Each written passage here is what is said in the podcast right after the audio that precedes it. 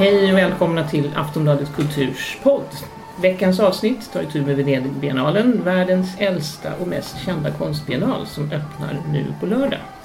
Jag heter Ulrika Stare och med mig har jag Cinciana Ravini som är konst och litteraturkritiker bland annat i Aftonbladet. Stämmer bra det. Och Fredrik Svensk, konstkritiker i Aftonbladet. Jajamän. Och ni är båda också redaktörer för tidskriften Paletten sen eh, rätt länge. Hur Ja. länge? 2011. Ja. 2011. Åtta år. ja. Mm. Okej. Eh, ska vi börja med själva biennalen som biennal? Den har funnits sedan 1895 men inte varit internationell egentligen förrän ja, 1930-talet någon gång och på 1990-talet blev det en uppdelning mellan en stor kurerad utställning och nationella paviljonger. Vill du berätta mer om det Fredrik? Vad som, hur det är, varför är Venedigbiennalen så viktig? Vad är det med den här biennalen? Så ställer jag frågan. Ja, hur ska man svara på det? Jag menar, det, det som hände på 90-talet efter kalla kriget och sådär, det är ju att, att frågan om nationerna så här, på, på något vis eh, eh, Eh, blir viktigare, blir synligare på ett nytt sätt kanske man kan säga och att konstekonomierna eh, synliggör sig själva som ganska nationella fast, fast, eh, eh fast det samtidigt växer fram tanken om en, en slags global konstvärld. Och eh, det lö- den där frågan löser liksom Venedigbiennalen genom att göra då både en universell utställning, eller en utställning sammansatt av en person eh, och då eh, en massa nationella utställningar sammansatta av nationella representanter. Och det är intressant att det där händer just på 90-talet tycker jag. Det, och vad det där betyder idag, det, det vet jag inte riktigt. Den där Nej. uppdelningen mellan det nationella och det internationella. Det, Vad säger du Cinciana? Eh, ja, alltså konsten eh, har ju alltid varit en lokal företeelse. Liksom. Den har ju uppstått eh, på, på specifika platser eh, och sen, sen har den ju alltid också, tror jag, försökt omfamna världen samtidigt. Så det är ju paradoxen finns ju redan där. Liksom. Att både gräva där man står och samtidigt försöka förstå hur hela världen hänger ihop. Och den dialektiken eh, finns ju verkligen eh, på den här biennalen i, i år, känner jag. Mm, ja, det har du rätt i. Jag tycker ändå att det är roligt. Varje, varje gång man kommer hit så märker man ju hur alla de här nationella utställningarna krumbuktar sig för att liksom undvika nationen eller betona nationen fast på ett annat sätt eller sådär. Det är alltid kul. Och sen är det väl lite sådär Giardinis alla nationella paviljonger med sin olika arkitektur och hur de ligger placerade. Vad säger det om vilken status de hade i världen Ja, ja visst. för länge sedan och nu och sådär. Ja, det, det är väl det som är väldigt speciellt. Men det är spännande att det förändrades på 90-talet. Um, jag har faktiskt inte riktigt tänkt på det på det sättet. Bra. Mm. Ja, vad säger ni om årets upplaga? Om vi nu håller oss till det man kallar för huvudutställningen, det som ändå är liksom den kurerade, stora. Um, flipp eller flopp? Alltså, jag, eh, jag ser ju två viktiga tendenser som jag finner väldigt intressanta. Det första är ju ett omfamnande av kaoset. Eh, och sen en annan tendens är ju liksom vägran att moralisera. Eh, Och det, det känns väldigt nytt liksom. För jag har ju haft väldigt mycket sådär eh, plakatkonst sista åren. Eh, Och nu är det så att det känns som att konstnärerna inte längre riktigt vet vad det är som håller på att ske. Och det är ingen som står och pekar med, med hela handen. Och just det här kaoset är också väldigt oftast baserat på en form av Gameboy-estetik. Liksom. Mycket video, alltså konst som eh, ja, är väldigt lekfull och som eh, liknar mycket av den, den här, eh, vad ska man kalla det, högteknologiska liksom. Mm. Ja. Ehm, Absolut, Ja. det är någon högteknologisk surrealism ibland Ja. som är ganska, som just har, det är väldigt svårt att se det politiska, det går att hitta såklart samhällspolitiska budskap och vissa verk är ju tydligt så dokumentärt jo, tydliga men det är väldigt få. Ja. Fast de sticker ut desto mer, eller de blir ju desto tyngre av den anledningen. Det tycker jag ändå är ganska spännande. Precis. Jag tänker vi på den här flyktingbåten till exempel som står på kajen i Ja. utanför huvudutställningen i det område som heter Arsenale, där stora delar av huvudutställningen är. Um, vi får kanske återkomma till den förresten, Mm. med det här politiska. Um, temat, helt lite uttalat, biennalen heter May you live in interesting times. Som då är en fake news mm, kan man säga. Därför att det sägs att det är ett gammalt kinesiskt, eh, en gammal kinesisk förbannelse, May you live in interesting times. Det togs upp så av västerlandet på 1930-talet. Men det har liksom aldrig existerat en sån förbannelse. Det här är liksom en orientalistisk idé, helt enkelt. Och det är ju ändå, ja, det blir, det blir ju som någon sorts konstig lök här av, av fake news, det här interesting times som väl är ja, fascismens återkomst eller vad man nu ska kalla det för. Mm. Ehm, och då undrar man ju lite så men vad stämmer egentligen med någonting? Vad, vad tycker ni om den här tematiteln och vad säger den om utställningen? Hur väl går den ihop med det som är konsten? Mm. Eh, Ja, men det, det, det jag tycker man kan säga om det, det är väl att...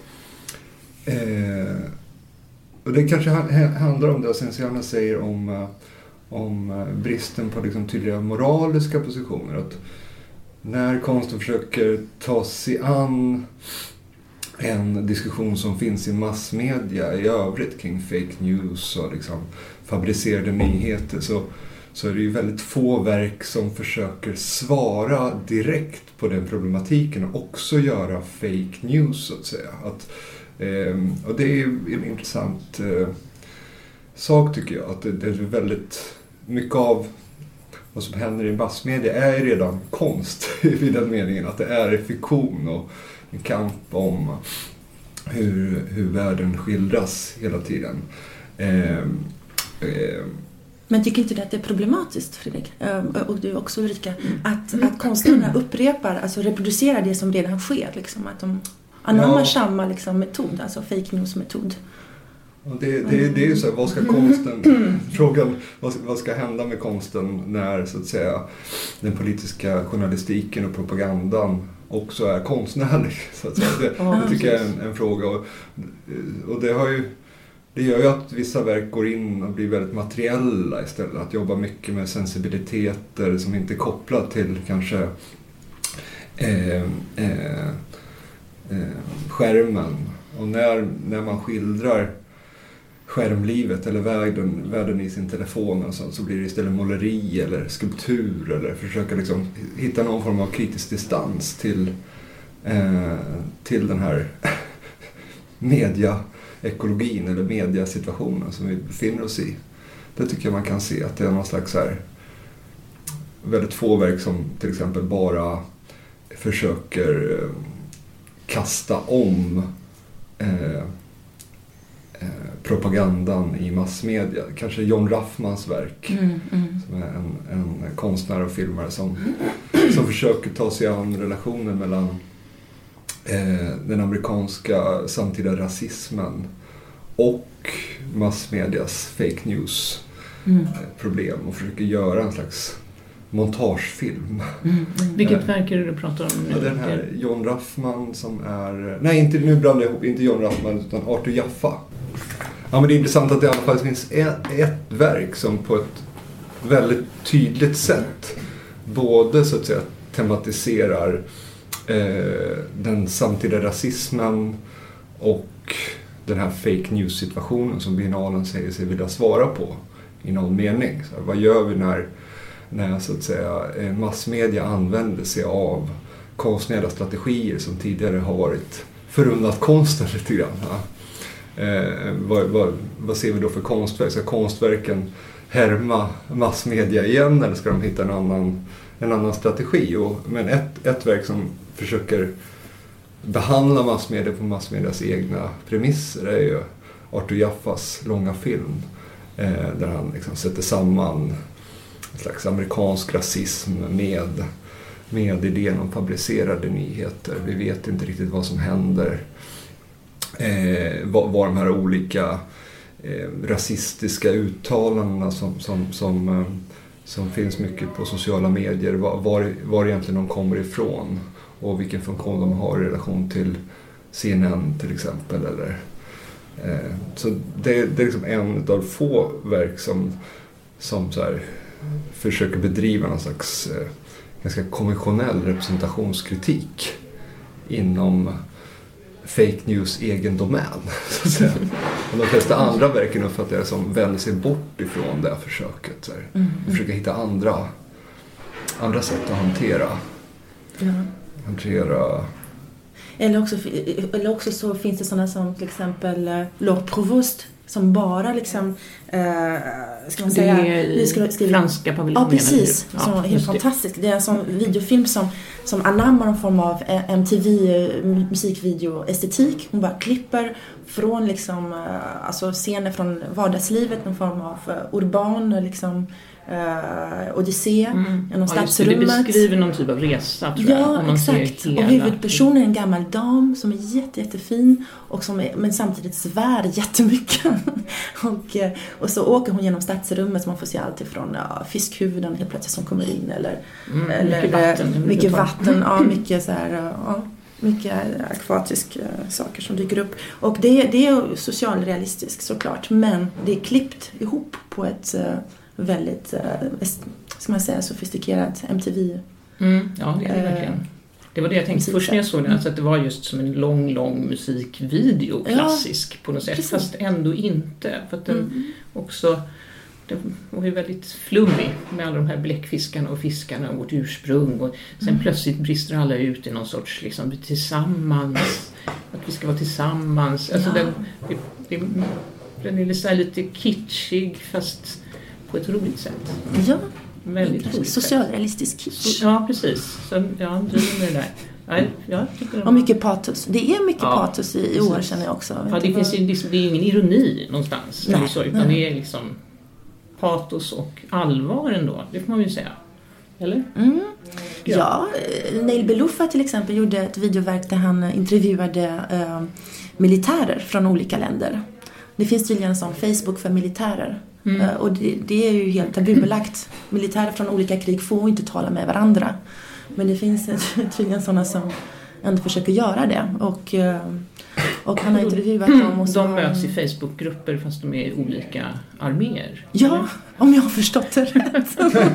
det kan hända att jag har fått det här om bakfoten. Eller också är verket i sig någon form Tinder av Facebook för, för militären. Och det är därför också han har valt att inte ställa ut det på ett klassiskt sätt med så här videomonitorer. Utan det här är alltså installationer som bygger på sådana här gamla liksom gym... Just det, just vad heter det? det? Man får, liksom, man får sätta sig gränslig över en sån här ja.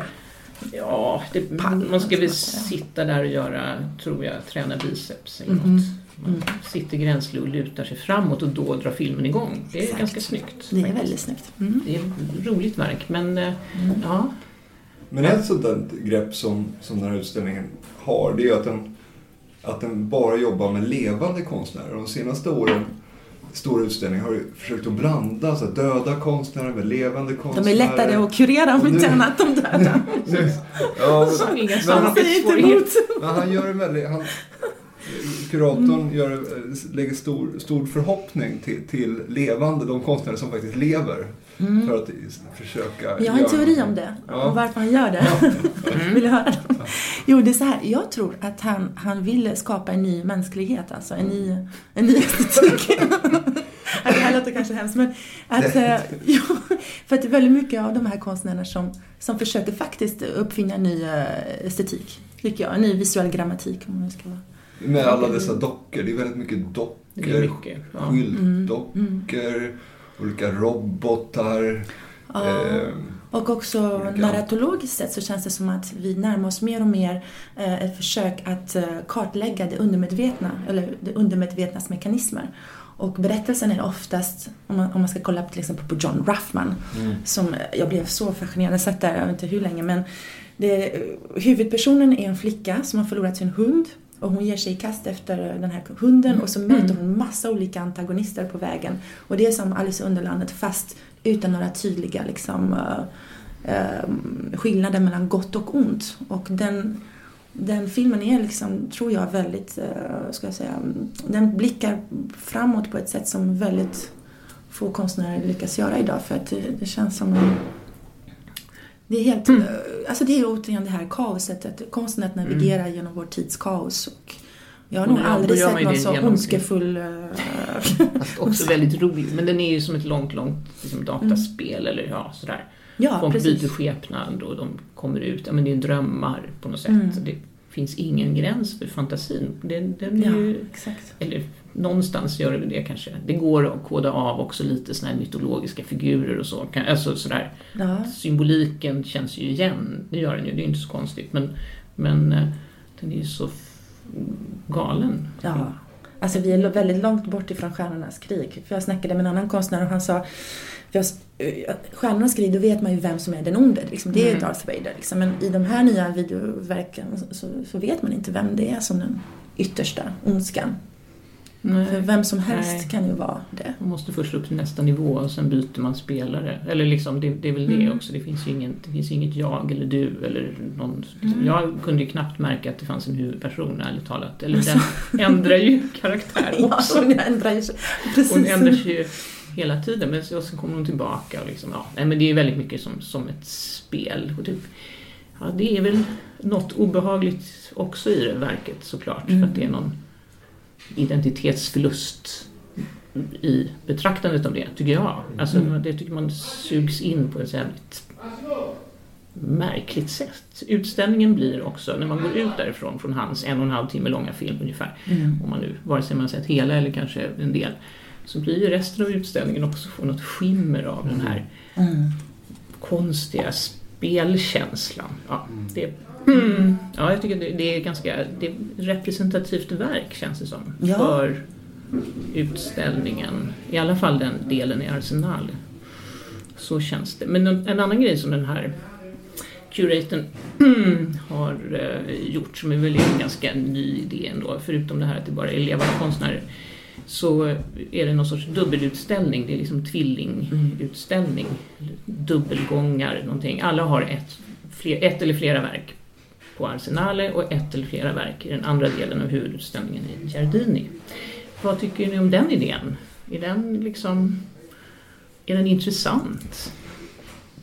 Ja, jag tycker det är viktigt att visa att, eh, att man i, i ett och samma konstnärskap eh, kan se diametralt skilda tendenser och viljor och även eh, former. Så att jag tror det är av pedagogiska skäl väldigt bra att visa att folk kan faktiskt att konstnärer inte behöver vara eh, konsekventa alla gånger. Sen är det ju så att uh, jag gillar just den här dubbelgångartematiken eftersom, som du sa Ulrika, så lever ju vi i en tid där um, identiteten håller på att bli uh, nästan, skulle jag säga, en krigsplats. Liksom, att man, det där Alltså det, det där är den ultimata liksom, kampen äger rum liksom, inom en själv. Vem är man? Och att kunna skapa sig en dubbelgångare, liksom, det är ju det bästa som finns för då behöver man inte kanske alltid liksom ta ansvar för sin dubbelgångare. Liksom. Jag säga, det är inte jag, det är min dubbelgångare som har gjort det.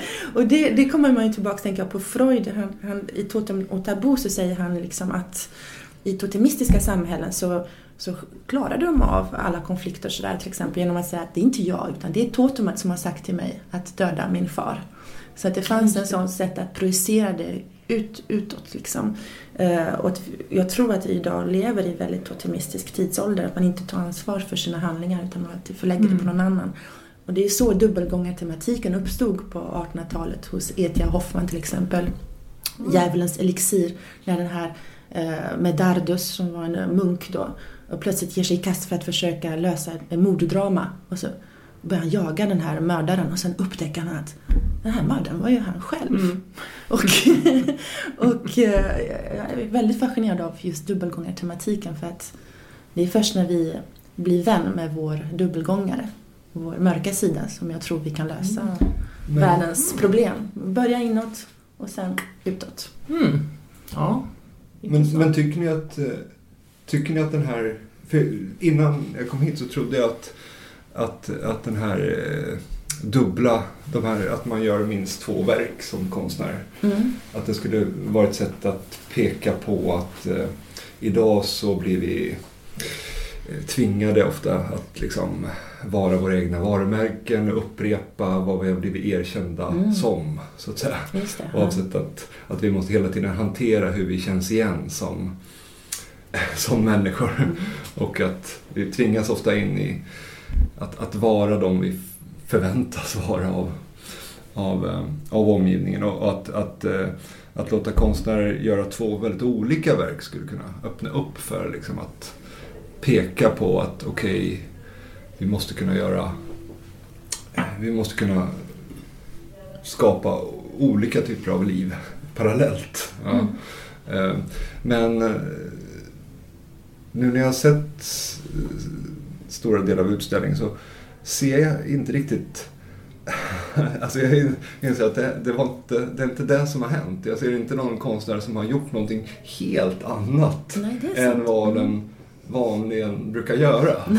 Eh, eh, Eller har ni sett det? Det, det är kanske att jag, jag tycker mig känna igen samma sak. Eller det kanske är min egen blick som Mm. gör att jag inte ser de här möjligheterna att, att, att prova något helt annat. Det kanske är min, min Det kan väl vara så. utopi. Nej, men det kan vara till exempel, jag håller med dig eh, att det inte är så stora skillnader, men när man ser på Dominique González Förster. Mm. I ena uh, biennaldelen eh, på Giardini så har hon gjort en diorama av ett månlandskap. Mm. Ja, som, är, som är ganska fin att titta på men det räcker ju två sekunder innan man har ja, fått nog kanske. Men och sen så på det andra stället, på Arsenale, där har hon ju gjort en sån här, vad heter det, 3D Virtual reality. virtual reality installation där man Precis. går in i en kammare och så sätter man sig där i 20 minuter och sen så kan man, kan man resa, inte genom sitt eget huvud men det känns lite så Det faktiskt. känns väldigt mycket så. och det, alltså det är det mest eh, läskiga jag varit med om faktiskt. Att man sätter på sig de här glasögonen och så plötsligt så ser man ju inte något annat än en stor rymd som man inte åker igenom utan bara flyter i. Sväva lite i. Svävar i och sen är det någon sån här Rorschach-test-liknande dimma som dyker upp. Och så är det lite svart man och rör lite lite på röd. huvudet så Ja. får man liksom nya mönster. Nya mönster, sätt. precis. Svartvita mönster. Mm. Man flyter i en rymd och det, det var ju väldigt stor skillnad från hennes dioramaverk. man Ja. säga. Fast då hade man ju ändå dioramaverket lite i bakhuvudet. Det var ju svårt att, alltså det, man försöker ju pussla på något sätt, tänker. Men jag fick Mm. inte riktigt ihop faktiskt mitt, mitt huvud, som jag då tyckte att det var i VR-verket med den här mån eller marslandskapet, vad det nu var. För det hängde ju också ihop med någon himla ockupation av rymden som var Mm. intill. Det, där blev det väldigt flummigt. Såna, jag vet inte. Jag, Men det var mycket rymdverk, Ja, det var eller? en del. Rymdtema i år, är det inte så? Ja. Stråk som går igen. också känns sådär liksom retrofuturistiskt Mm. konstigt på något sätt. Precis. Men vad sätter det, tycker ni, betraktar ni för position? Alltså det här att, att man som besökare uppmuntras jämföra. Jämföra eh, verk av samma konstnär. Att det liksom inbjuder till en slags jämförande betraktar Mm. praktik så att säga. Att man ska... Det kanske uppmanar till att faktiskt intressera oss för konsten också, inte bara för den teoretiska liksom, eh, inramningen av biennalen. För oftast är det ju så att, att tycker jag i alla fall, att, att man varje år för, först fokuserar på temat och, och sen eh, tendenserna och att man väldigt sällan talar länge och väl om enskilda konstnärskap. Mm. Men här tvingas ju man ju faktiskt fördjupa sig kanske Mm. i dem eller se dem på nya sätt. Så jag vet inte. Jo, men det tycker jag, jag håller med om det faktiskt. Jag tycker att det är, det är väl därför jag ändå faktiskt för första gången på väldigt länge tycker om huvudutställningen. För att förut har den, den har, det, det är svårt att få ihop den där uppenbarligen. Jag tycker man varje gång har varit här och tänkt att nej men det är någon enstaka nationell paviljong som slår Mm. huvudutställningen lätt och så tänker man att den var misslyckad. Men nu, den här gången tycker jag ändå om den här. Jag tror att det är för att jag eh, helt enkelt låter mig förföras av själva konsten. Ja. För en gångs skull. Eller liksom det, det, är någon sorts, ja, men det är en konstnjutning och då kan man ju fråga sig vad det är. Eller liksom, är det, är det bra? att, man, bara så här borgerlig avnjutning av konst som liksom inte... Det är en borgerlig eh, biennal. Liksom. Ja, Eh, jag sprang ju på den här biennalterroristen. Eh, ni vet han Thierry Geoffrey som brukar alltid liksom, ska man säga, parasitera varje biennal genom att kommentera temat. Och så gör han alltid något roligt av det liksom, genom att skriva någonting på ryggen eller liksom, mm. eh, bosätta sig i en tält framför biennalingången. Och i år så gick han omkring då med sin sedvanliga blåa eh, hjälm. Han ser ut som sån här krigshjälte. FN-soldat. och så hade han på sig en gul väst såklart. Ah. Ja, visst. Och på ryggen den här gången stod det, jag ska läsa här. May your life be interesting in helping others to survive. och jag frågade honom, vad, vad menar du med detta? Han bara, jo men det här med att oh we live in so interesting times. Vem är det som har lyxen att säga det liksom? Oh this was interesting. Uh, och vad är det vi gör sen när vi väl konstaterat att någonting är intressant? Inte så mycket. Uh, och, och jag tyckte om um, det här viljan att faktiskt också få folk att överleva. Ja, det, är det som du sa, den här båten, det, jag har inte sett den nu men hur känns det, hur känns det att se den här båten som ja, handlar om något som... Det är, jag är lite kluven till den. Mm. Ja, men det, det, är en, eh, en eh, fiskebåt med flyktingar som sjönk utanför Lampedusa mm. 2015. Ja, för att den faktiskt krockade med en båt som skulle, som skulle rädda den. Alltså det var ju en, en båtolycka och då visade, det var otroligt många flyktingar ombord. Det var ju 700 personer tror jag. Det kan man liksom inte föreställa sig när man ser den här båten, hur så många människor på plats. Mm. Och de var ju också liksom instängda och det var ju liksom, ja, väldigt få överlevde. Men italienska staten bärgade ju båten och liksom så, mm. fick upp den året efter för att liksom för att meddela anhöriga och identifiera kroppar och alltihopa det här. Det var ju liksom en, en bra grej. Och så nu helt plötsligt så, så står den där på kajen liksom, mm. fyra år senare som någon sorts memento mori. Liksom, mm. att det, det, är det här som händer i Medelhavet. Och, men det är ju också en jag vet inte, det är någon sorts parasitär konst samtidigt. Mm. På något sätt. Det, är ju väldigt, det är ju starkt liksom. Det är, men I konstvärlden så blir det ju liksom en, en ready-made med otroligt tungt innehåll mm. som då den här, vad är han heter nu igen? Christopher Büchel. Ja, precis. Mm, som gjorde den här paviljongen för förra gången tror jag. Eh, förra, förra 2015 var det. Precis, när han eh, helt, helt enkelt öppnade upp för en moské. Eh, för det var Islands paviljong Islands. Var det, som blev en moské. Som sen, blev en moské, precis. Som sen tvingades stänga ganska snabbt mm. tror jag. Mm. Det var inte vad Venedig ville ha, en mm. moské. Men, han är ju ganska kontroversiell. Och den, ja, men jag, ja, jag tycker ju om, alltså jag tycker att det är ett viktigt verk, det är inte det, men det är också det är lite problematiskt också. Men, men eh, jag har ändå sett ganska få av den typen av verk. Ja, jag tycker, tycker ändå att, att, att, att under de senaste kanske tio åren har varit väldigt många verk i konsten, om man nu kan säga så generellt, som har försökt att problematisera vem det är som har fått betala för det västerländska konstbegreppet. Ja. Alltså, alltså, mm. alltså, hur, men att gå runt här i Venedig och se all den här rikedom som, mm. som har krävts bara för att bygga alla dessa palats. Och, och eh, alla dessa pengar som ligger bakom också utställningarna. Alltså var kommer de här pengarna ifrån och vem, mm. vem, vem har fått betala för och, mm. och att sätta samman det med, med eh, Europas koloniala historia och så att säga, ekonomins eller kapitalismens historia. Och, har ju varit någonting vi har sett ganska mycket av de senaste åren. Och den här utställningen, mm.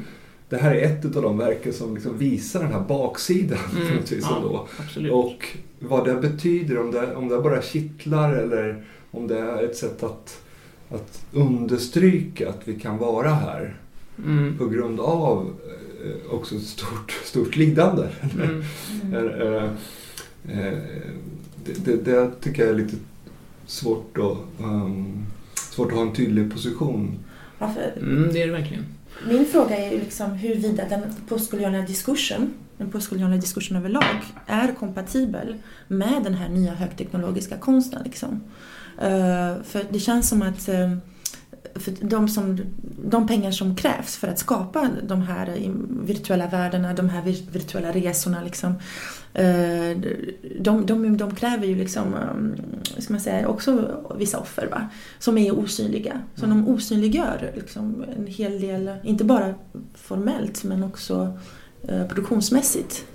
Eh, en hel del. Så det känns som att det är en hel, alltså ny, ska man säga, ny diskrepans som uppstår nu eh, här som vi kanske kommer att överbrygga så småningom via kanske mer bioetisk teknologi så småningom i framtiden men vi är inte där ännu liksom.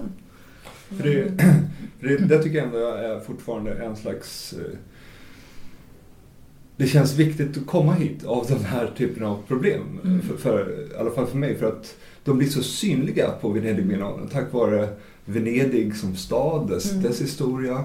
Men också den här liksom, komplikationen hela tiden kring konsten. Jag menar, när man går in i Ungerns paviljong till exempel. Mm. Ja. Eh, så, alltså, jag, jag kan ju inte låta bli att tänka på hur Ungerns kulturpolitik har utvecklats under de senaste åren. Alltså att jag, jag funderar över, okej okay, hur har det här gått till? Alltså att jag, eh, varför är det, är det här verk, varför handlar det här verket om övervakning och fotografi och ser ut så här? Precis. Och är det här en slags fake news? Eller den ryska, eller det, den ryska ja, paviljongen. Har ni, såg ni den ryska paviljongen? Alltså, ja, det var som Rembrandt uh, Goes Apocalypse. Liksom. Uh, och det var lite Bosch-toner också. Men det kändes som att det var en utställning som hade kurerats av Putin. Liksom. Ja. Eftersom det var en sån otrolig liksom, idealisering av den ryska historien, av Ermitagemuseet. Och sen så baserades den på, på den här bibliska berättelsen om vad heter den, den ogudaktiga sonen? ja, Nej, den, den förlorade sonen. Den förlorade sonen, mm. tack. Uh, min bibelkunskap är inte vad den borde, känner jag. Uh, och då hade, hade han skapat alltså, uh, pappdockor, jag vet inte vad det var gjorda av, men man fick se liksom den förlorade sonen av Rembrandt men i skulpturformat. Mm, lite här och där. Sådär. Ja, och väldigt så dramatiserade liksom, miljöer. Som det kändes mm. som att verkligen ja, har kommit in i någon form av Dante, Dante-infärg. Hey, I'm Ryan Reynolds. Recently, I asked Mint Mobile's legal team if big wireless companies are allowed to raise prices due to inflation. They said yes. And then when I asked if raising prices technically violates those onerous two-year contracts, they said, what the f*** are you talking about, you insane Hollywood ass?" So to recap, we're cutting the price of Mint Unlimited from $30 a month to just $15 a month. Give it a try at mintmobile.com slash switch. $45 up front for three months plus taxes and fees. Promoting for new customers for limited time. Unlimited more than 40 gigabytes per month. Slows. Full terms at mintmobile.com. Liksom. Att som, som betraktare, som kritiker, gå runt på en sån här tillställning, alltså att försöka utmana sin utgångspunkt. För att eftersom ni har de här nationella paviljongerna och den internationella utställningen. Alltså att, att det blir liksom det universella mot det enskilda mm. eller partikulära. Ja. Alltså att när man, om jag tänker på Viktor Orbán när jag går in i Ungern. Ja, så nästa, nästa steg är bara att nej, varför, varför är jag tvungen att göra det? Då är jag redan fast på något vis i en mm. form av mm. väldigt nationalistisk syn mm. på konst. Eller liksom, jag tycker... Det är ju jättesvårt att frigöra sig ifrån ju, ja. uppenbarligen. Ja, men det, Hur gör ni? Ju, det... Gör ni det? jag, Vill ni göra det? jag tror inte att jag gör det. Men sen tror jag att jag också, man är så himla bunden med arkitektur. Alltså utställningarna liknar ju varandra. Ja. År efter år så, så, är de lika varandra därför att det är samma rum som de förhåller sig till ja. på något sätt. Så det är liksom Typ. Den nordiska paviljongen, den nordiska Sver paviljongen, Sverre Fens. Den fungerar ju nästan den har, aldrig. Den har ju sett ut likadan i alla år. Men, men hur känner ni inför den? Liksom? Var, varför blir den som en modernistisk... Den kan, aldrig, den kan ju liksom aldrig slå det där stora fantastiska rummet. Nej. Det, Mm. Det blir liksom alltid någon slags möbel, möbeldesign-historia på något sätt. De, de lyckades ju, Elmgreen, Elmgreen and Dragset lyckades ju ja, göra en fantastisk installation för några år sedan när de hade eh, skapat en hel historia liksom kring en, eh, samlare, som hade, konstsamlare som hade blivit dödad. Som, och så var det en, en sån här docka som, som representerade honom som flöt i en liten pool. Så man kom dit så var det som att komma in i en sån här Agatha Christie-miljö. Så man fick liksom se på konstverket som en detektiv nästan. Va? Och det, sånt skulle jag vilja se mer av, att man som betraktare börjar känna sig viktig. För som du sa Ulrika, när man tittar på de här eh, dataspelskonsten, va? då känner man inte särskilt viktig. Va?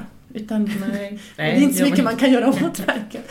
Och det är synd, för då kunde man ju också eh, passa på att ta vara på den här interaktiviteten som oftast finns i dataspelskonsten. Mm. Den klassiska menar jag. Ja, mm. Och, eh, eller liksom helt plötsligt, eller helt enkelt lägga upp ett konstverk som en eh, pussel, ett dilemma som man ska lösa. Va? Det skulle jag ha velat se mer av. eh, Att man som betraktare... Du får beställa till nästa Att år. det är liksom, att alla besökare är konstnärer helt enkelt på något Ja. sätt. Vi byter plats. Ja. Mm. Och att man ska också försöka lösa problemen. Va? Alltså inte en gång för Mm. alla men Nej, de stora världsproblemen. Men åtminstone på en liten skala. Va?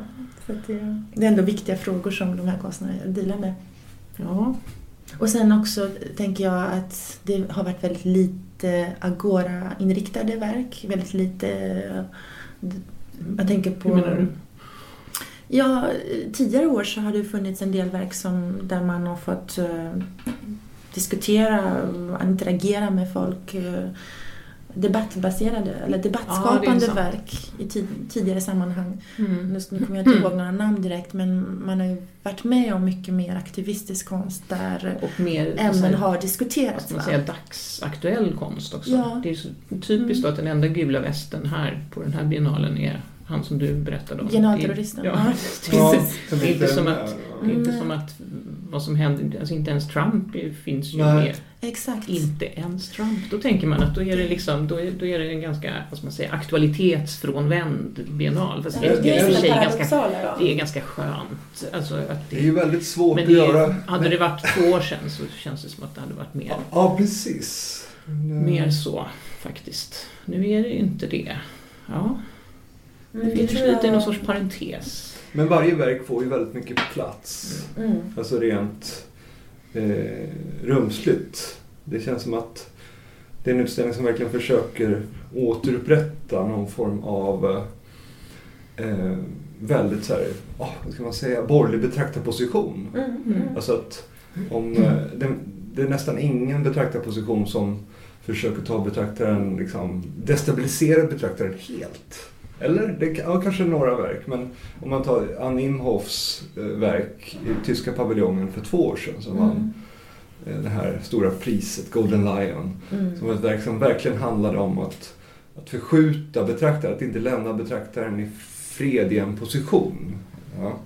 Men här är ju väldigt mycket, fast det är vissa så virtuella verk som kanske förskjuter betraktaren i någon mening så är det väldigt mycket att vi, vi går och tittar på konst. Mm. Det, är så här, det är en slags tittar på konst och sen går vidare till nästa konstverk. Ja, ja. Alltså, Mm. det, det, det, det, Men det är väldigt så neoliberal. Ja, men det är en Mm. neoliberal liksom, tror jag, betraktarposition man hamnar i, att man bara, bara ska flyta med. Va? Allt är liquid. Att vi Mm. lever i, som Sigmund Bauman sa, i en liquid society. Um, och, eh, och när allting flyter, ja, det, det handlar bara om att surfa på liksom. Och det, och det är Mm, lite... Sam, samtidigt känner jag liksom att det är skönt också att, att se en icke-moraliserande biennal för en gångs skull. För då handlar det också om att kanske ha högre eh, förtroende för betraktarens egna förmåga att, att tycka och tänka. Mm. Fast eh, är Mm. det Så kan inte samtidigt viktigt, jag menar, Då vill man ju är ha, vi fortfarande liksom, jag, vill du ha någon som skriver dig på näsan, så här ska du tycka. Nej, det, det, vill, det vill jag Nej, nej, så, så, vill jag inte det. Men jag, jag tänker att eh, det inte är en självklar liksom, god position att göra omoraliserande konst. Alltså att, Mm. jag vet, och jag vet heller inte riktigt ifall det där jag ser i den här utställningen. Ifall det, ifall just den... Eh, Mm. Jag är lite osäker, jag vet inte ifall jag håller med. Ehm, eh, Jag tycker att det kanske då, man kan säga att det finns ett moraliserande kring en idé om en fri individ i så fall. Mm. Som Mm. håller på alltså återuppfinna en fri människa. Som i, i mötet med den nya teknologiska eh, situationen, fake news, automatisering, robotar, liksom försvinner in i en ny typ av osäkerhet. Mm. Alltså. Och, Precis.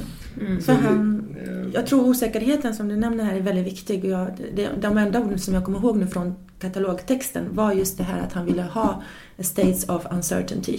Mm. Eh, och i och för sig, det, det, det har man ju hört i 10-15 år i konstvärlden. Eh, Eh, Men jag tror att han försöker egentligen göra det som konstnärerna, konstnärerna idag gör, alltså inte ta ställning. Och att det är mer Mm. av en imitation av konstnärens position idag. Och det känns lite nytt. För kuratorer har ju oftast eh, förväntats agera som en form av Moses som klivit ner från bergen med sina tio budord. Och nu är det ingen Moses va? som förklarar hur, hur världen eh, ser ut eller hur Det är den väl bör lite se som ut. att han släpper det fritt också, för det skriver han väl också den här Rogoff Mm. i, i sin, sitt statement att det viktiga är vad betraktaren får med sig liksom av, alltså hem av konsten. Alltså att det liksom ändå är där det ligger på något sätt. Mm. Att det är vi som ska, men då ska vi också liksom lära oss någonting. Ja, det, det finns en Det är moraliserande i ja, den, den, den Det finns ju någonting också. där som är lite, både lite flummigt såklart men också Ja, att vi, på något vis ska vi ändå uppfostras. Mm. Fast Ni- ni vill oklart- bli oklart- Oklart med vad, men, men eh, liksom att det är ja, den medskapande betraktaren då såklart, men liksom att det, att det betyder mer. Vad konsten säger betyder mindre än vad betraktaren, hur betraktaren tolkar. Så Ja. fattar jag honom. Men Ja, jag, jag men- tror att det här är en konsekvens av, eh, av den post, alltså moderna diskursen. Alltså när Ja. Baudrillard kom och sa att okej, eh, verkligheten finns inte. Matrix likadant. Hela 90-talet gick ut Mm. på att man helt plötsligt liksom eh, insåg att ja, verkligheten finns inte. Vi lever i en virtuell värld och eh, that's it. Men vi trodde inte riktigt på den teorin då. Det kändes verkligen det var lite före sin sant. tid. Det var före sin tid, men nu är vi ju där. Mm. Och just den, den, den eh, kaoskänslan också, den förvirringen och, och känslan av att inte riktigt veta vad som håller på att ske just nu. Liksom. Det, den, den, jag tycker det, det är etiskt förhållningssätt som den här curatorn har haft i förhållande till, jag tror många känner idag men inte vågar säga. Så därför känns det som en ganska modig liksom, hållning egentligen. Eh, den icke-moraliserande hållningen. Den, den är modig för att eh, det, det krävs mycket mod för att säga att jag vet inte vad det är som sker just nu. Och Mm. vad, vad, vad, vad tycker ni liksom? Mm. Så på det sättet känns den ganska generös. Fast, eh, Han jag- refererar till Umberto Eco också. Liksom, Jo, öppna upp. men, va? eh, öppna för, vissa, för vissa människor är det väldigt uppenbart vad som sker just nu. Okej. Alltså, det, det, tänker på dig själv, eller? det känns väldigt mycket i hela kroppen. Och, Jo. eh, eh, jag, jag, så jag... det- Men jag tycker samtidigt det är spännande. Alltså den... eh, Det här kravet på att göra Venedigbiennalen, att göra, göra en universell biennal, så att säga. Att tala från det här, det här globala viet i en värld där vi har väldigt olika eh, Mm. Där Vi. det vi inte Där- där vi- finns. Nej. Eller. Mm. samtidigt som... eh, Mm. Alltså där en, Men det globala viet är ju en fake i sig. Det är en fiktion i sig. Det finns ju ingen. Det är ju enskilda Men känns det inte lite som... så här som att den här utställningen är det? att Ja. Vi är inte du och jag, utan det är jag och jag. ja, det var intressant. Det är, liksom, det är där den här dubbelgången Ja, men det, Ja, ja, men precis. det är Det är tillbaka till det är någon vi. psykoanalytisk som liksom- uppdelning Ja. av kroppen då. Eller någonting Ja, men lite sådär att liksom olikheterna det, de kommer man förbi då genom att dubblera sig själv istället. För då behöver man, inte, då behöver man i alla fall inte ta Mm. hänsyn till någon annan i det här viet. Äh, ja, ja, Ja. ni Ja, men- fattar. inte. Jo, men alltså det kan ju ses på två olika sätt. Man kan antingen se eh, dubbleringen som ett sätt att und- vilja undkomma sig själv. Som en ganska, eh, ska man säga, uh, om, alltså, vad heter det när man inte är så modig? Eh, lam? Nej? Feghet. Feg, feg position, tack.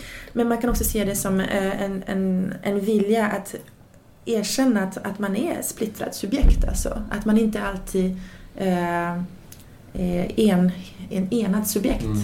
Att, eh, att ibland kan man ju vilja göra en sak som man eh, kanske senare ångrar sig eh, för. Och det det här splittrade subjektet tror jag är eh, också en etisk hållning. Alltså, erkänna att, att man inte alltid är konsekvent. Ja, men hur känner du sedan när, när du går runt och ser de här olika verken Ja. och hanterar den här mångfalden av, av uttryck? Och, ja, man blir ju splittrad naturligtvis. Det är en splittrad Mm. upplevelse av, av världen. Eh, men min upplevelse är ju att den här utställningen i sin form liksom uppmuntrar att en, en betraktare som kan hantera det. Som, som förmår gå runt i denna Mm. mångfald av dubbleringar, digitala avatarer. Man leker med och, kulturella eh, stereotyper. Alla och möjliga. med dockor, med ny- ny- nya teknologier och ändå liksom stå kvar där, stå kvar där Mm. på sån, eh, med sig själv. Utan att nödvändigtvis veta vem man är, men att man kan han, ändå hantera mångfalden. Liksom. Mm, mm. Och det är ju... Mm, Du menar att alla kan inte göra det? eh, det är ett väldigt privilegium i alla fall, känns det som. Mm. Att, att, att, att, liksom, eh, att, att, att, att få tillfälle att göra det från sån här...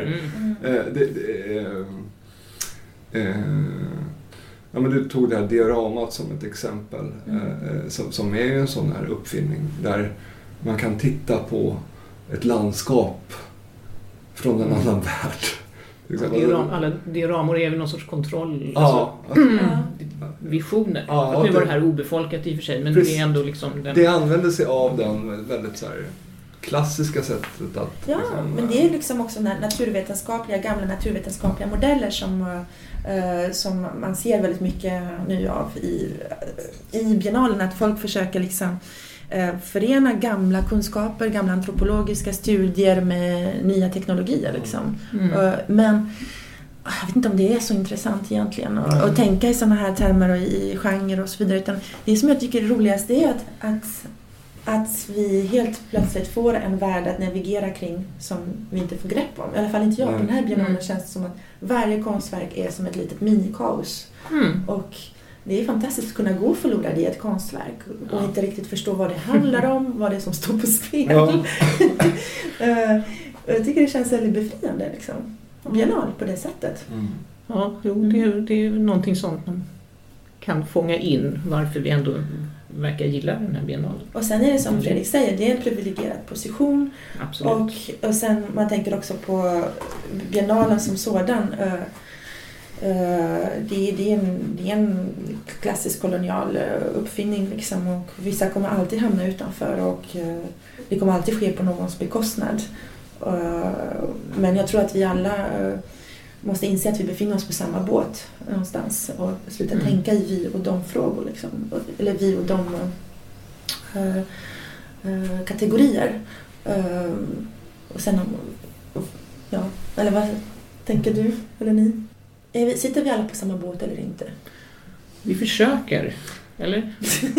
Ja, men, Klamra oss i Ja, samma ett, båt. en sån där, jag menar, hela diskussionen om eh, antropocen och växthuseffekten och Ja. sådär som har blivit en slags ny universell historia. Ja. Den är relativt, där vi alla sitter i samma båt, världen håller på att gå Mm. under. Och det var det väldigt mycket förra biennalen. Alltså, Nu Mm. håller världen på att gå under. Och nu, nu håller världen inte längre riktigt på att hålla, gå under längre här. Nu var vi trötta. Alltså, så, nu, nu, Jo, men det är därför vi har så mycket kosmisk konst, höll jag på att säga. Nej, men så mycket rymd...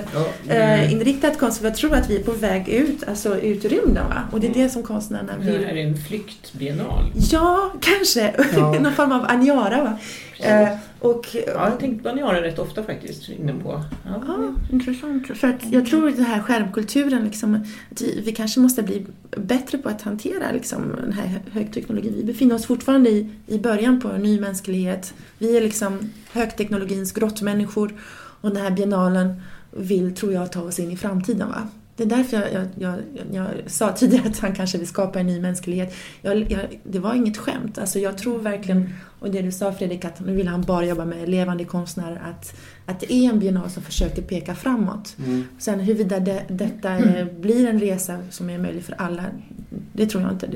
Elon Musk, när han planerar sina rymdresor, det tror fan att det bara blir en, en jävligt liten elit som kommer få le, lämna jorden. Men, Sen kan de åka vilse. Ja, precis. de kan få, lä- de får, men om vi lyckas skapa liksom, vad vet jag, sto, tillräckligt stora rymdskepp, eh, så här, riktiga Noaks ark, då, då är det ju kul med rymdresor. Eller? Ja, jag är emot. Du vill vara kvar på Ja, jorden? jag är kvar. Jag kvar. Jag blir så här last woman standing. Ja. Nej, vad fint. Ja. Ja, men det, jag tycker ändå det här är ett intressant, eh, en intressant obs- observation. För att Mm. det, alltså den här konstnärliga tveksamheten att ge sig in i, i diskussioner som är... Jag menar, fake news har varit en sån jättestor diskussion och vi ser ganska få verk som angriper det direkt. Mm. Antropocen, jättestor diskussion. Få verk som angriper det direkt. Finanskrisen som nu kanske kommer igen snart. Mm, igen. nej, den ser man inte heller. Det ser man inte heller riktigt igen. Alltså man ser de här... eh, det, och då kan man säga att det här är eskapistiskt, men jag upplever inte riktigt utställningen som eskapistiskt heller. Alltså, Nej, eh, den är psykoanalytisk. Det är en inre resa va? Du kan inte undkomma dig själv. Och därför Ja. det, tror jag liksom att... men det är väl ingen på- freudiansk psykoanalys, utan det är någonting annat. Nej, nej, nej. Utan det handlar om att inse att undermedvetna har ju sin topografi, alltså har ju sin, sin rymd. Och konstnären försöker idag visa hur den här rymden, inre rymden ser ut. Det är därför den yttre rymden och den inre rymden hela tiden Mm. konvergerar. Va? Mm. Eh, och, eh, så det, jag skulle kalla, kalla detta för en form av psykonautisk eh, konst. Va?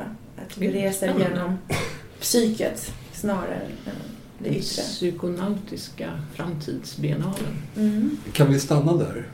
Om, är det här en drog liksom? Är, är, har har Ah, Venedigbiennalen en form av... Eh, em, En eh, eskapistisk Ja, men eh, när vi åker hit och eh, bara går runt här och ser både världens rikaste människor och andra typer av människor. Mm. Och, alltså man ser väldigt mycket olika saker här. Mm, mm. Och sen samtidigt har vi den här konsten. Eh, Ja, vad var frågan? ja, Om du skulle stanna. Att Ja, var vill du stanna- stanna? Var vill du stanna? nej Jag men alltså... Eh, om vi ska vara psykonauter Ja. Ehm, så är det som att, eh, ja men kommer vi tillbaks va? Till vad? Ja men vi kan, om vi åker till Mars, det är svårt att komma hem igen. Va? Aha! Mhm. Och, och eh, Men det finns väl inget tillbaka för nej, psykonaut, nej precis. Det finns ju en psykonaut kan resa precis var som helst. För att den inre resan, för det första så är den väldigt billig. För att du behöver inte köpa biljett. Du kan bara drömma dig bort. Eh, Och sen, sen drömmen i sig också eh, psykonautisk. Så att jag menar, eh, konsten har ju alltid varit det, mer eller mindre. Men det är först nu som den börjar anta Att det liksom, liksom blommar ordentligt. Ja, den här liksom, jag tror det är därför att Alice i Underlandet är en sån tankefigur som återkommer för mig mycket när jag ser den här konsten. Att, att det är en, en person som har gått förlorad i sitt undermedvetna. Och det finns ingen stark skillnad mellan gott och ont. Och så är det ju oftast i drömmen, att vi, vi kan ju liksom döda eller bli dödade, liksom, det finns ingen rätt och fel. Och framförallt ingen eh, klar och tydlig rumslig och tidslig uppdelning. Va? Och, eh, Men, vad, men om man tar andra sådana här jättestora utställningar som till exempel förra Documenta-utställningen i ja. Kassel. Så, som jag ver- verkligen så här, försökte hitta på, eller försöker skapa en betraktarposition som kan hantera olika, ska vi säga, epistemologier, det vill säga olika, olika konstbegrepp, olika konstbegrepp inom samma konstutställning. Alltså, Mm. att man, att man, att man Mm. till exempel att om man, om man använder sig av en eh, av en form av konst som, som, som, som inte kommer via den västerländska konsthistorien. Men som när den kommer in på Documenta som är ett slags västerländskt tempel efter andra världskriget. Eh, eh, ja, då är frågan, äter, äts annan konst upp av det här templet eller kan man fortfarande hålla kvar eh, eh, en konst som inte bygger på samma idé om den här betraktaren som är fri i konsten att resa i sina tankar. Eh, och det tycker jag så, vi har sett väldigt lite av i den här utställningen. Ja, alltså verkligen. en slags a, idén om att man ska bryta mot en, en eh, västerländsk modernistisk historia. Utan det, Mm. Den här är back to, to modernism. På något sätt. Mm. va? Anglosaxisk estetik Ja. och mycket, mycket amerikansk eh, konst. Ja. Eh, Eller många konstnärer som kommer från USA, eller en amerikansk Mm. estetik. Eh, LA, eh, New Ja, York, faktiskt. Men det, det, ja. Han är ju han är ju amerikan va? Så att, Ja, jag tror det. Eller? Jo, jag tror han är amerikan. Men Jobbar i London. och han, han var ju också curator, eller chef för Haywards Mm. Gallery. Och eh, har gjort väldigt bra utställningar, visuellt starka utställningar. Så, så att jag tycker valet av curator var bra. Men sen att han inte försökte gå emot den västerländska blicken, det tycker jag såklart är jättesynd. Men, ehm, Eller ja, var var nu... Jag menar, det här Venedig är en sån... Mm. Eh, sån speciell plats eh, ju. Um, Men har ni sett någon göra det här i Venedig? Jag tänker, eh, förra biennalen var ju ganska... Kristin Marcel. Ja, den var ju ganska, ska man säga, mm, hippieaktig. Det var ju många konstverk som handlade om Amazonien och... Ja, just det. Amaz Amaz ja, men liksom mycket så här djungel... baserad konst. Nej, vad ska man säga? Men alltså det var, det var mycket eh, minoriteter men romantiserade liksom... eh, eh, Ja, just det. Men har det inte varit så flera gånger? Mm. Ja. Inte... Fast då var det ju innehöllt i någon form av romantisk, exotisk hinna. Liksom. Och det var ju en annan sorts, kanske inte orientalism, men exotism som också var lite problematisk egentligen. För att det var ju inte så mycket smärta och blod och, eh, och eh, hur ska man säga, man känner inte av det här som vi pratade om, priset, vilka är det som får betala för det västerländska konstbegreppet. Det, det var ju väldigt Mm. eskapistisk också, fast på ett annat sätt. Mm. Men det tycker jag ändå, det tycker jag ändå, det tänkte jag på i relation till, eh, till tematiken om den här, den här Facebook-världen, den här attention-ekonomin, den här uppmärksamhetsekonomin som vi, som vi lever i. Att man, den som skriker högst får mest klick eller Mm. det som Mm. Trump har gjort med sina Twitter-grejer. Alltså att det är väldigt få verk också som liksom eh, som jobbar med den där Se på mig, jag säger något kontroversiellt. Mm, är Eller, eh, och, och, eh, Men gillar du det? Eller känns det befriande att det är så? Jag tycker ju det är väldigt... Det, befri, ja, befriande vet jag inte, men, men det är väldigt... Eh, eh, Det är mot strömmen. ja, det är emot i alla fall den dominerande ekonomin idag. Men tycker inte ni att det är ganska, om jag bara får trivialisera det här, att det är ganska ironiskt att verken absolut håller ju den här eh, inte sociala medier-stilen. Men vi besökare som går omkring, när man går in i vilket videorum som helst så sitter ju alla och liksom lägger ut sina bilder, Mm. kollar Facebook. Och liksom, är så mycket skärmar som är framme Ja, och så många okoncentrerade människor på samma plats. Det är väldigt fascinerande. Ja. Jag tycker inte det har varit så mycket så förut, men nu känns det som att det är liksom... Ja, att folk är i parallella världar Ja, hela tiden. Ja, alltså, alla, ju- befinner, alla befinner sig på sociala medier Absolut. hela tiden. Absolut. Och, och, liksom, och tittar på konsten lite sådär med någon liten blick vid sidan. Men det, jag är väl likadan antagligen. Men, Det är där verkligheten är. Alltså kampen om verkligheten, liksom, eh, det är ingen som vill föra den längre. Liksom. Jag, vi har valt eh, den virtuella verkligheten. Det Mm. är där vi existerar som mest tror jag. Och, och, eh, och det ska, kan man ju moralisera över men vad ska man göra åt det? Kanske göra en biennal där man konfiskerar allas mobiler vid entrén och så tvingar folk eh, in och ut liksom på ett Ja, fast det, var ändå, det är ju ändå ett uppenbart val att det inte är en utställning som handlar om så här, de här, den här dubbleringen som är så uppenbar med Instagram och konstutställningar till exempel som är en slags integrerad affär idag egentligen. Mm. Och att utställningen inte går in i det utan istället har två platser i staten. Två rum. Det är inte Instagram och konstutställning utan det är faktiskt två olika rum med olika historier. En gammal industriell byggnad och en, en eh, paviljong som är byggd för att visa konst på. Det är liksom... Det tycker jag är ett väldigt tydligt ställningstagande. Och vad det betyder vet jag inte. Men, men det bygger ju inte på den här idén om en, en värld i en virtuell situation och en värld utanför. Nej, det är väl mer att enskilda konstverken som gör det. Ja. Som, man, som tar oss in på de här Mm. eh, parallella resorna. som Stan Douglas uh, Ja, dubbelgångartematik precis. Mm. där som också handlar faktiskt, där har de lyckats verkligen förena postkolonial teori och eh, migrationsfrågor och, och högteknologi. För det här Mm. handlar om en, en, en människa som, eh, som skapar sig en form av dubbelgångare eh, som försvinner i rymden och sen ah, helt plötsligt vet man inte riktigt vem som är vem, vem är Nej, den just det. riktiga. och sen blir den här personen, dubbelgångaren, utfrågad precis som man oftast blir utfrågad när man kommer till en migrationsverk. Vem är du? Hur kom du hit? Vad hände på vägen?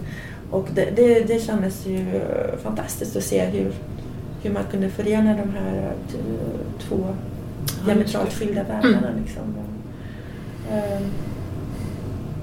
Ehm, Jag vet inte om de är så skilda men det känns ändå som att ja, som, som att det är två nya